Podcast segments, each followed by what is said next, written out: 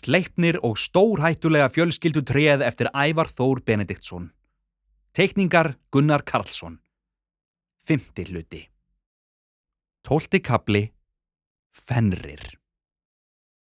Sleipnir fröys. Kondu nær. Skipaði úlfurinn í búrunu og urraði aftur. Sleipnir hlíti. Hann þorði ekki öðru. Embla var komin alveg að stóru búrinu og Sleipnir sá að því var sem betur fór lokað með gríðarstórum slagbrandi sem láð þvert yfir það. Það var greinilega ekki sjens að úlfurinn kæmist út. Embla lifti hauskúpunni sigri rósandi. Sérðu fenrir? sagði hún ánægð. Ég sæði þér að ég gæti það. Skyndilega skall eitthvað á rimlónum. Sleipnir veinaði lágt en þorði samt ekki að hlaupi burtu. Embla let eins og ekkert hefði gerst. Í myrku búrinu byrtist skyndilega tríni. Sleipnir hafði áður séð úlfa og vissum leið að þetta var engin venjulegur úlfur. Trínið var gríðarstórt, nánast eins og heil manneskja að stærð. Fenrir tróð hluta af því út á milli rimlana og nánast ofan í hauskúpuna. Passaðu þig, rópaði Embla, ef þú ferð í eitrið er voðin vís. Fenrir fröys og trínið kvarf aftur inn í búrið. Embla leitt stolt um auksl á sleipni. Kondu, sagði hún, það er ekkert að óttast. Sleipnir hlíti eins og venjulega. Með hverju skrefunu sem hann tók sá hann úlfin betur. Fenrir hló. Vá, urraðan innan úr búrinu. Þú ert stórkostlegur með alla þessa fætur. Hversu rætt kemstu? Embla steig inn í. Hann kann ekki að tala, sagði hún. Fenrir flissaði. Ó, og svo glott hann ægilega. En hann skilur, bætt hún við og leitt brosandi á sleipni og kemst afar rætt. Ég hef séða. Fenrir kinkaði sáttur kolli. Þannig að þú ert viss, spurðan, að þessi sé nú klár til að klára þetta. Auðvitað, sagði Embla, ekki nokkur vafi í mínum krútlega kolli. Og svo hlóðu þau, skelli hlóðu. Sleipnir skildi ekki neitt, hvað voru þau að tala um? Hvað var fennrir að skipulegja sem þurft að klára? Bróðir hans leit á hann millir rimlana. Hvernig er dagurinn þinn hér í áskarði, minn kæri sleipnir? Urraði fennrir. Er hann uh, þægilegur, skemmtilegur eða jafnvel... Uh, og hann hálf hrækti síðast á orðinu út úr sér. Óeftirminnilegur? Sleipnir neggjaði út í loftið. Satt best að segja voru flestir dagar hjá honum frekar óeftirminnilegir. Hann lá bara í solbæði og let sér leiðast.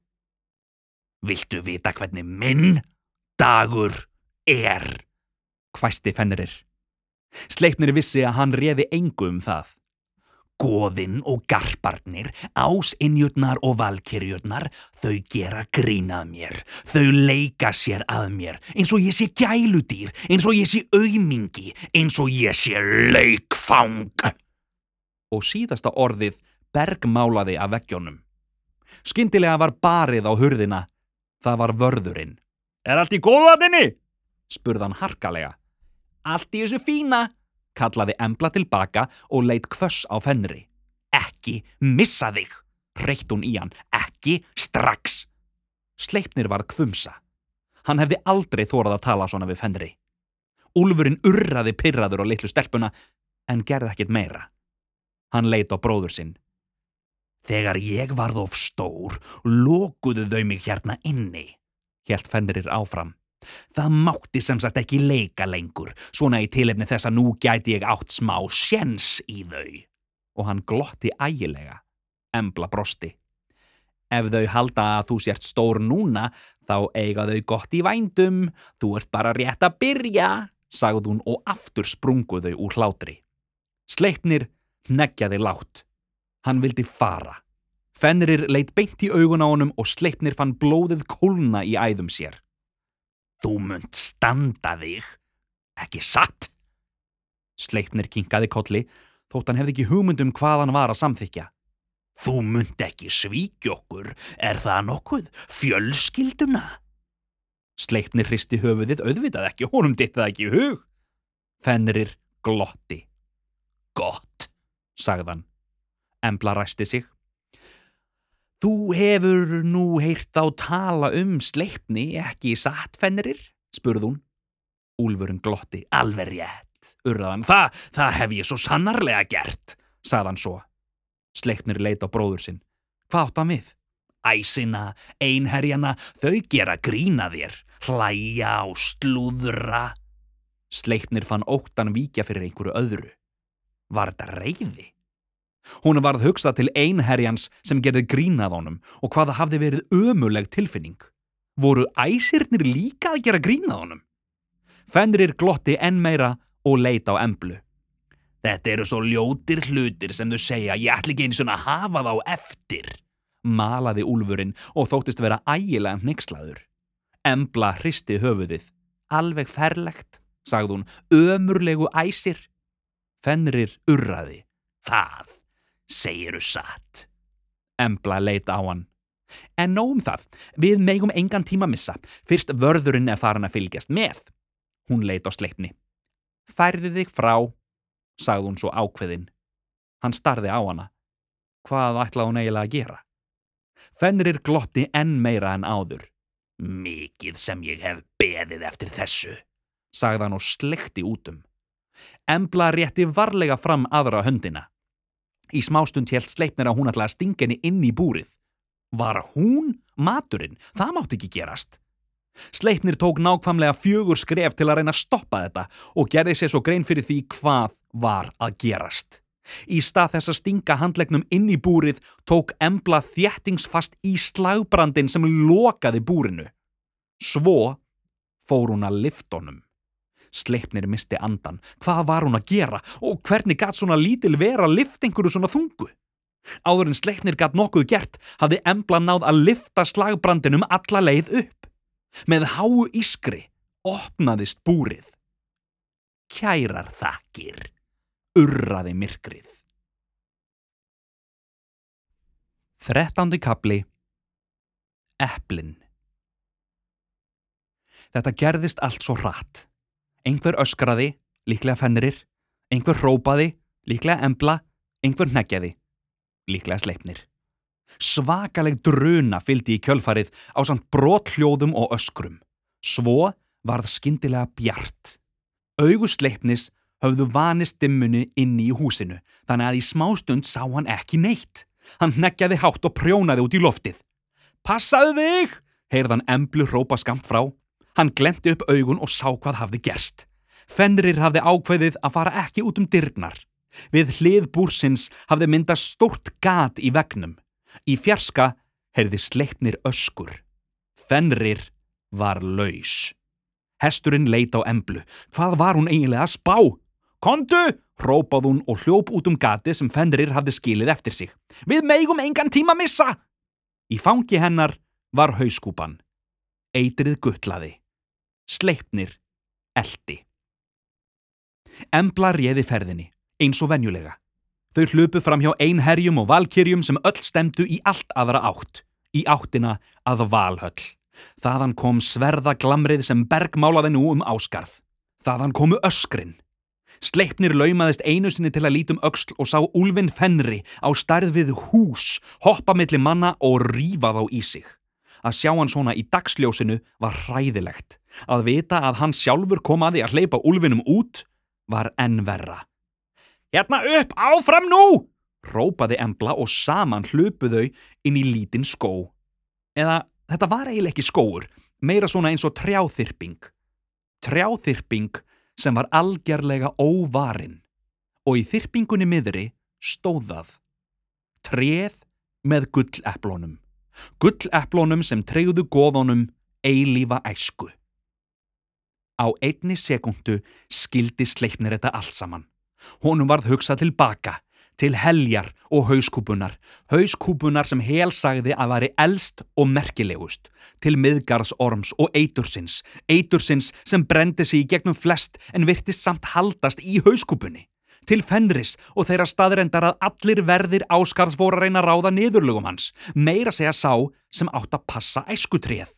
Og honum varð hugsað til sjálfsín sem hafði hjálpað til, frá byrjun, komið emblu inn í hel og tilbaka, spjallað við miðgarsorm og þóst vera matur fyrir Fenri svo embla kæmist af honum. Ó nei, hugsað hann. Ójú, sagði vinkona hann stundarhátt þar sem hún stóð og starði á hann. Hún hjælt á hauskúpunni og sleipnir sá eitrið í kollinum og hann vissi hvað hún ætlaði að gera.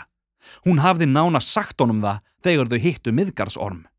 Síran var enn ekki orðin 100% eitruð en ef þú lægir í henni nógu lengi vær hún stór hættuleg. Til dæmis ef þú myndir hellenni yfir rætur á tré. Eins og til dæmis það, sagði Embla flissandi og beit í neðri vöruna á sér. Hún titraði af spenningi, sleipnir neggjaði látt. Æ, hættu þessu væli, reykt hún í hann og glotti. Þetta er alveg jafn mikið þér að kenna og mér. Við verðum löngu farin þegar goðin fatta hvað hefur gerst og þá er ekkert hægt að gera í því. Hún flissaði. Sleipnir reyndi að finna einhverja leið út úr þessu en data ekkit í hug hvað var eiginlega í gangi hérna. Hva? spurði Embla. Koma svo, hugsa smá, þú ert næstum búin að fatta þetta allt. Og það var rétt hjá henni. Sleipnir var næstum búin að fatta allt. Það eina sem hann skildi ekki var hvers vegna... Hvers vegna ég, lítla krútlega embla, er að gera þetta? Hvers vegna ég ætlað eitra fyrir ásum og ásinnjum? Sleipnir kinkaði kolli. Embla dró djúft að sér andan. Hvers vegna heldurðu að ég skilji þig alltaf? Sleipnir skildi ekki. Hvers vegna finnst þér stundum eins og ég sé að lesa hugsanir þínar? Sleipnir neggjaði, hann vissi ekki svarið. Embla glotti. Býtu aðeins, sagði hún kæruleysislega og lagði hauskúpuna frá sér upp við tríað góða. Hún snýri sér aftur að sleipni. Sjáðu þetta! Og svo opnað hún munnin. Fyrst smá, svo meira. Þegar sleipnir hjælt að nú gæti hún ekki opna meira, hjælt munnurinn samt áfram að opnast. Sleipnir starði á hana. Munnurinn opnaðist meira og enn meira. Embla hallaði höfðinu alveg aftur til að geta opnaðan enn meira. Hvað var hún eiginlega að ge... Upp úr allt of opnum kjaftinum krablaði allt í einu krumla. Sleipnir veinaði. Hvað var eiginlega að gerast? Krumlan var först við handlegg sem var fastur við öxl, sem var först við bak og hægt en öruglega upp úr geninu á emblulittlu sem hjálp bara áfram að stækka og stækka, klifraði einhver. Á sama tíma kvarf embla hægt og rólega eins og hún væri sokkur sem verið væri að snúa á raunguna og hinum einn væri önnur vera. Sleipnir starði frosin á það sem nú stóð fyrir framannan Þetta var karlmaður. Og ekki bara hvaða maður sem var, sleipnir vissi upp á rossahár hver þetta var. Maðurinn glotti ægilega og þurkaði kæruleysislega af sér slím sem lag niður kinnarnar og skildi eftir bletti í fínum fötunum. Blessaður sonur sæl? Malaði ófétið og sleipnir fann gæsa húð far eftir hrygnum eins og einhver hefði heldi yfir hann köldu vatni. Hann vissi að af öllum þeim skrýmslum sem hann hafði hitt síðan þetta ævintýri byrjaði var þetta það allra hættulegasta. Maðurinn opnaði faðminn og setti upp tilgerðarlegan spurnarsvip. Hva? Á ekki að knúsa mömmu sína? spurði Loki Laufeyjarsson og glotti. Fjórtándi kapli Loki Sleipni var óglatt. Hann langaði að guppa. Hann langaði að leggjast á jörðina, sopna og vakna aftur við það að þetta væri allt saman bara hræðilegur draumur. Embla var ekki til. Það var bara loki. Ófétið gekk að sleipni og glotti ægilega. Æ, skelving er þetta miklu þægilegara, söngan og dansaði í kringum hestin. Þetta er það óþægilega við að vera hamskiptingur. Ef maður breyti sér í eitthvað sem er minna en maður sjálfur er það næstum því eins og að tróða sér í oflítil fött. Mm. Hann virti sleipni fyrir sér. En þú kannast auðvitað ekki við það, þú ert alltaf allsber. Svo hló hann ægilega. Sleipnir vildi flýja en var hrættur um að hlaupa í flasið og fennri. Æ, ég látt ekki svona, reytti Loki í hann og óð aftur að trénu. Hann reif eppli af grein og tætti það í sig. Þú hatar þennan stað alveg jafn mikið og ég. Manst ekki hvað allir eru ömurlegir við þig. Þau þólaði ekki. Eða ertu búin að gleima því? Sleipnir var ekki búin að gleima því. Ég held ekki. Reytti Loki í hann og sleikti útum. Það var ekkert eftir að eplinu. Ekki einu svoni stilkurinn. Loki hafði meira segja gleift steinana. Fjölskyldu bönd toppa allt. Þess vegna getur við tala saman, þú og ég. Mæður skilja allt af börnin sín. Hann glotti. Eða eitthvað svoleiðs, kannski er ég bara að bylla. Svo hló hann ægilega. Viltu epli? Sleipni hristi höfuðið. Nei, spurði Loki og glotti. Ég held þú værir allur í græmitisfæðinu. Hann leita á eplatrið. Þetta eru samt auðvitað ávextir, hvaða ruggler í mér? Hann þreif annað epli og hámaði það í sig. Ertu viss? spurði hann svo. Síðasti sjens. Hann kynkti með tilþrifum. Ah, þetta forláta tré hérna bak við mig og hann sló í það án þess að hafa augun af sleipni, verður ekki mikið lengur meðal okkar. Um leið og það er farið, taka goðina eldast og ef þau eldast faraðu bráðum að drepast og ertu alveg við sem um þú viljir ekki bytta því þetta er skrambi gott, get ég sagt þér. Og svo greip hann þriðja eplið í röð og hámaða í sig. Sleipnir leita loka og svo á treð. Þetta verður stórkostlögt, söng Loki og reif fjörða eplið af greininni. Ég mun hella eitrinu úr mínum ástkæra ormi allt í kringum þetta fáránlega tre. Ræturnar sem lúra hérna langt fyrir neðan munu drekka það í sig, treð mun drepast, æsiti líka og allt endar vel. Hann glotti ægilega. Já og meðan ég man, e takk fyrir hjálpina. Hann flissaði. Þú veist að komast til heljar og allt það ég þurfti nöðsynlega að sækja hauskúpuna því hún var eina ílátið sem geti hugsanlega þólað slef ormsins. Hann nikkaði með höfðunu í áttenaða hauskúpunni. Eins gott að óðinn sjáu þess ekki, hann yrði alveg brjál. Hvað átt hann við? Jú, sjáðu til, malaði Loki. Venjuleg hauskúpa myndi að sjálfsögðu engan veginn þóla eitrið, en þessi hér, þessi er af honum elsku vila. Eða við, ég er ekki viss, ég rugglaði þeim alltaf saman. Sleipnir skildi ekki, hverjir voru þeir? Bræður óðins, hvað er þetta? Rópaði Loki frekar pirraður. Allir sem ekki deyja í stríði enda hjá hel, sem þeir og gerðu. Þeir urðu eldgamlir, drápust og enduðu hjá henni og að því að þeir voru fyrstir, löngu og undan öllum miðgarspörnum, gati mér þess til að þeir væru með bestu kúpu sem völ væri á. Hann leitum auksl. Sem hún er. Sleipnir hristi hausinn. Þetta var fáránleg áallun.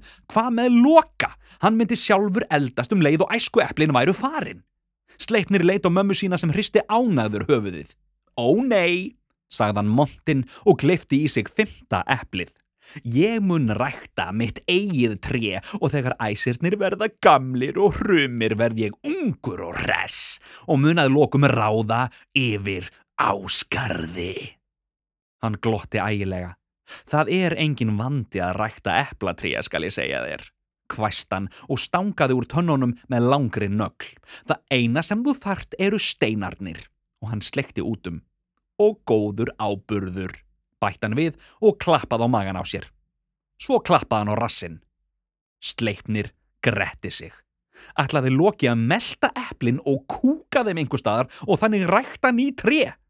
Hann leita á Loka Loki leitt glottandi tilbaka og sagði tvö orð allt of spendur. Ó, já. Svo fekk hann sér eitt eppli í viðbót. Hann leitt skilningsríkur og sleipni. Í fjarska heyrðust öskur og vein. Fenrir var greinilega að standa sig. Þú veist þau hata þig, sagði Loki. Þau hata allt sem er öðruvísi, allt sem er ekki fullkomið. Hann benti með höfðunu í áttinað fótum sleipnis. Þú losnar ekki við þetta alla æfi, þú gerir þig grein fyrir því. Sleipnir leitt undan. Hann vissi það vel, það þurft ekki að minna hann á það. Þú sást hvað þau gerðu við börnin mín, sást hvað óbermiðan óðinn ákvað, það er bara tímaspursmál hvenar þau snúast gegn þér. Voru þau í raun ekki byrjuð á því? Sleipni varð hugsað til einherjana. Nákvamlega, veinaði Loki. Við skrýpin verðum að standa saman.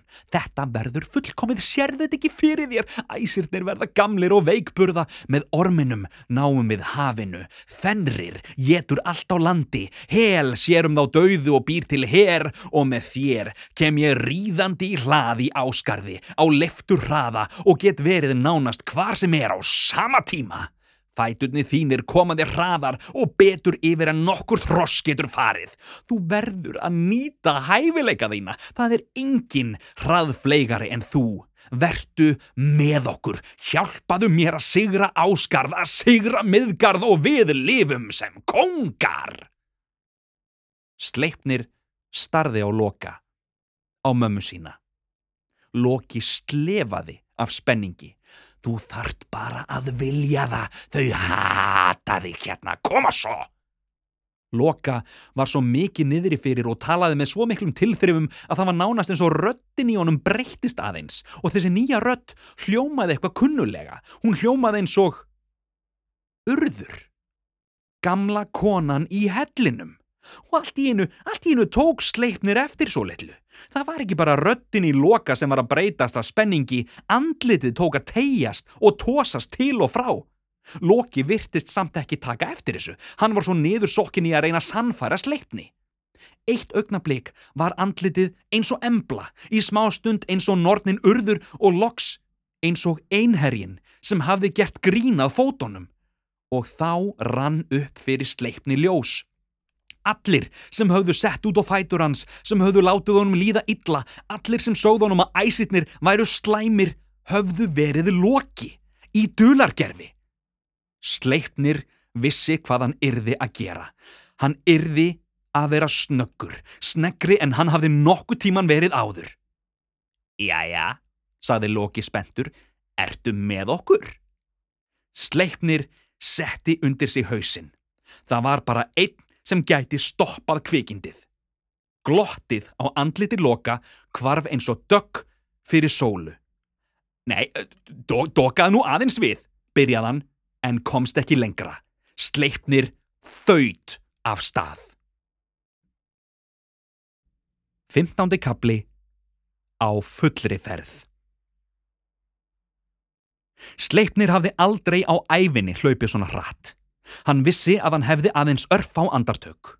Umhverfis hann voru ekki lengur tré eða hús, hallir eða fólk. Umhverfið var sósa af litum sem þutu fram hjá honum á liftur hraða.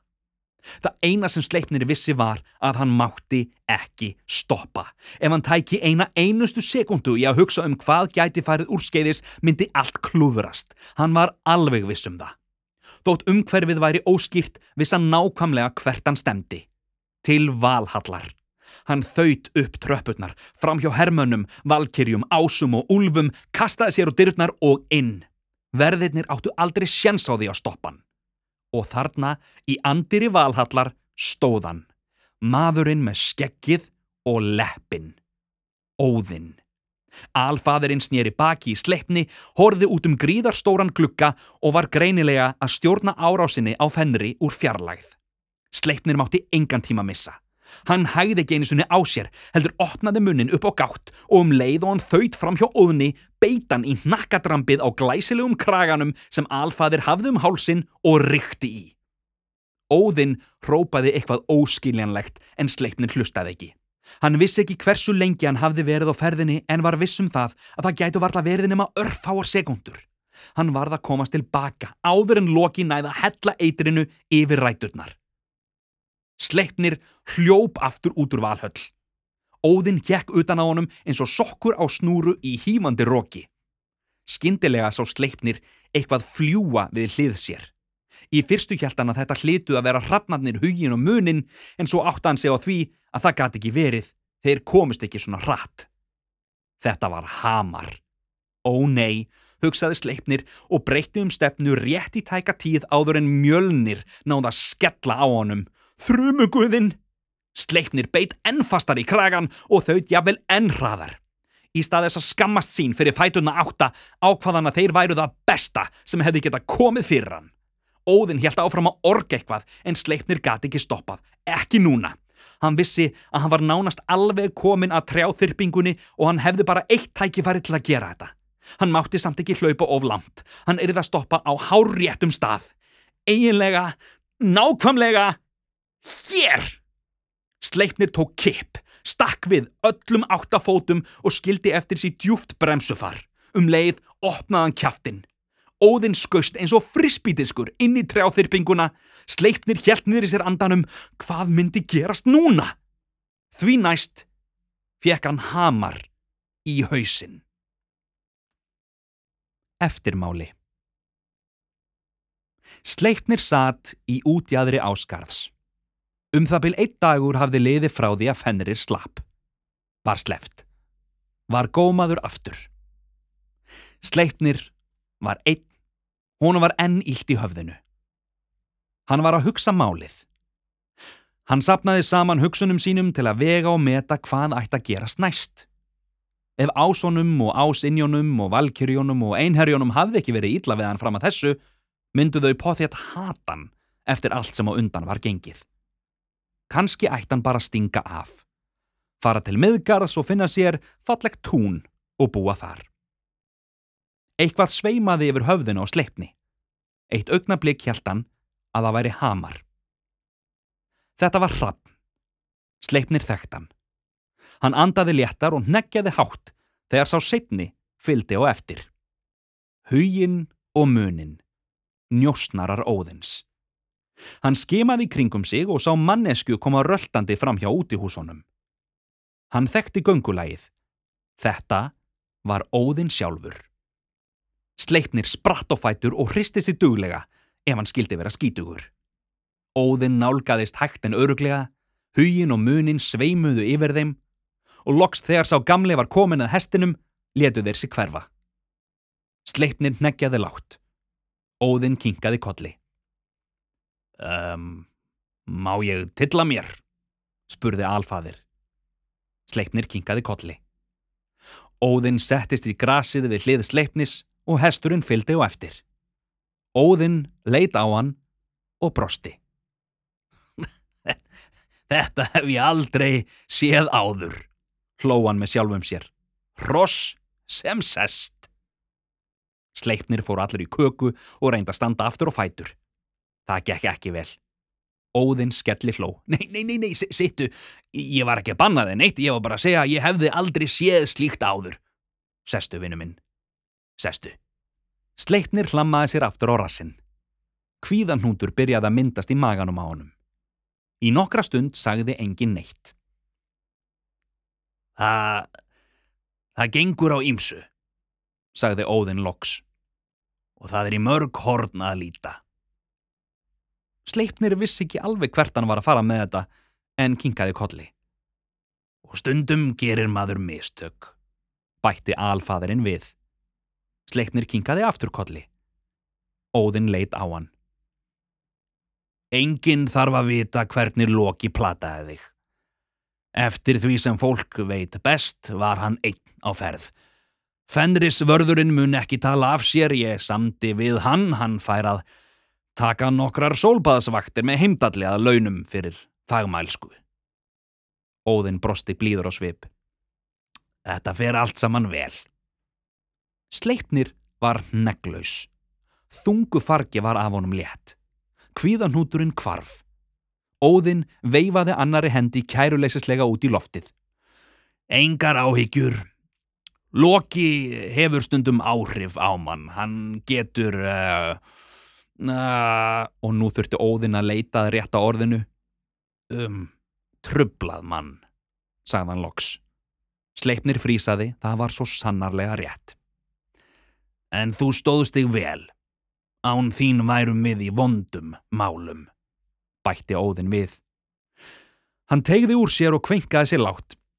Að bakið á mér er reyndar út og söður eftir ferðalagið okkar en það hlýtur að ganga tilbaka. Sleipnir neggjaði afsakandi.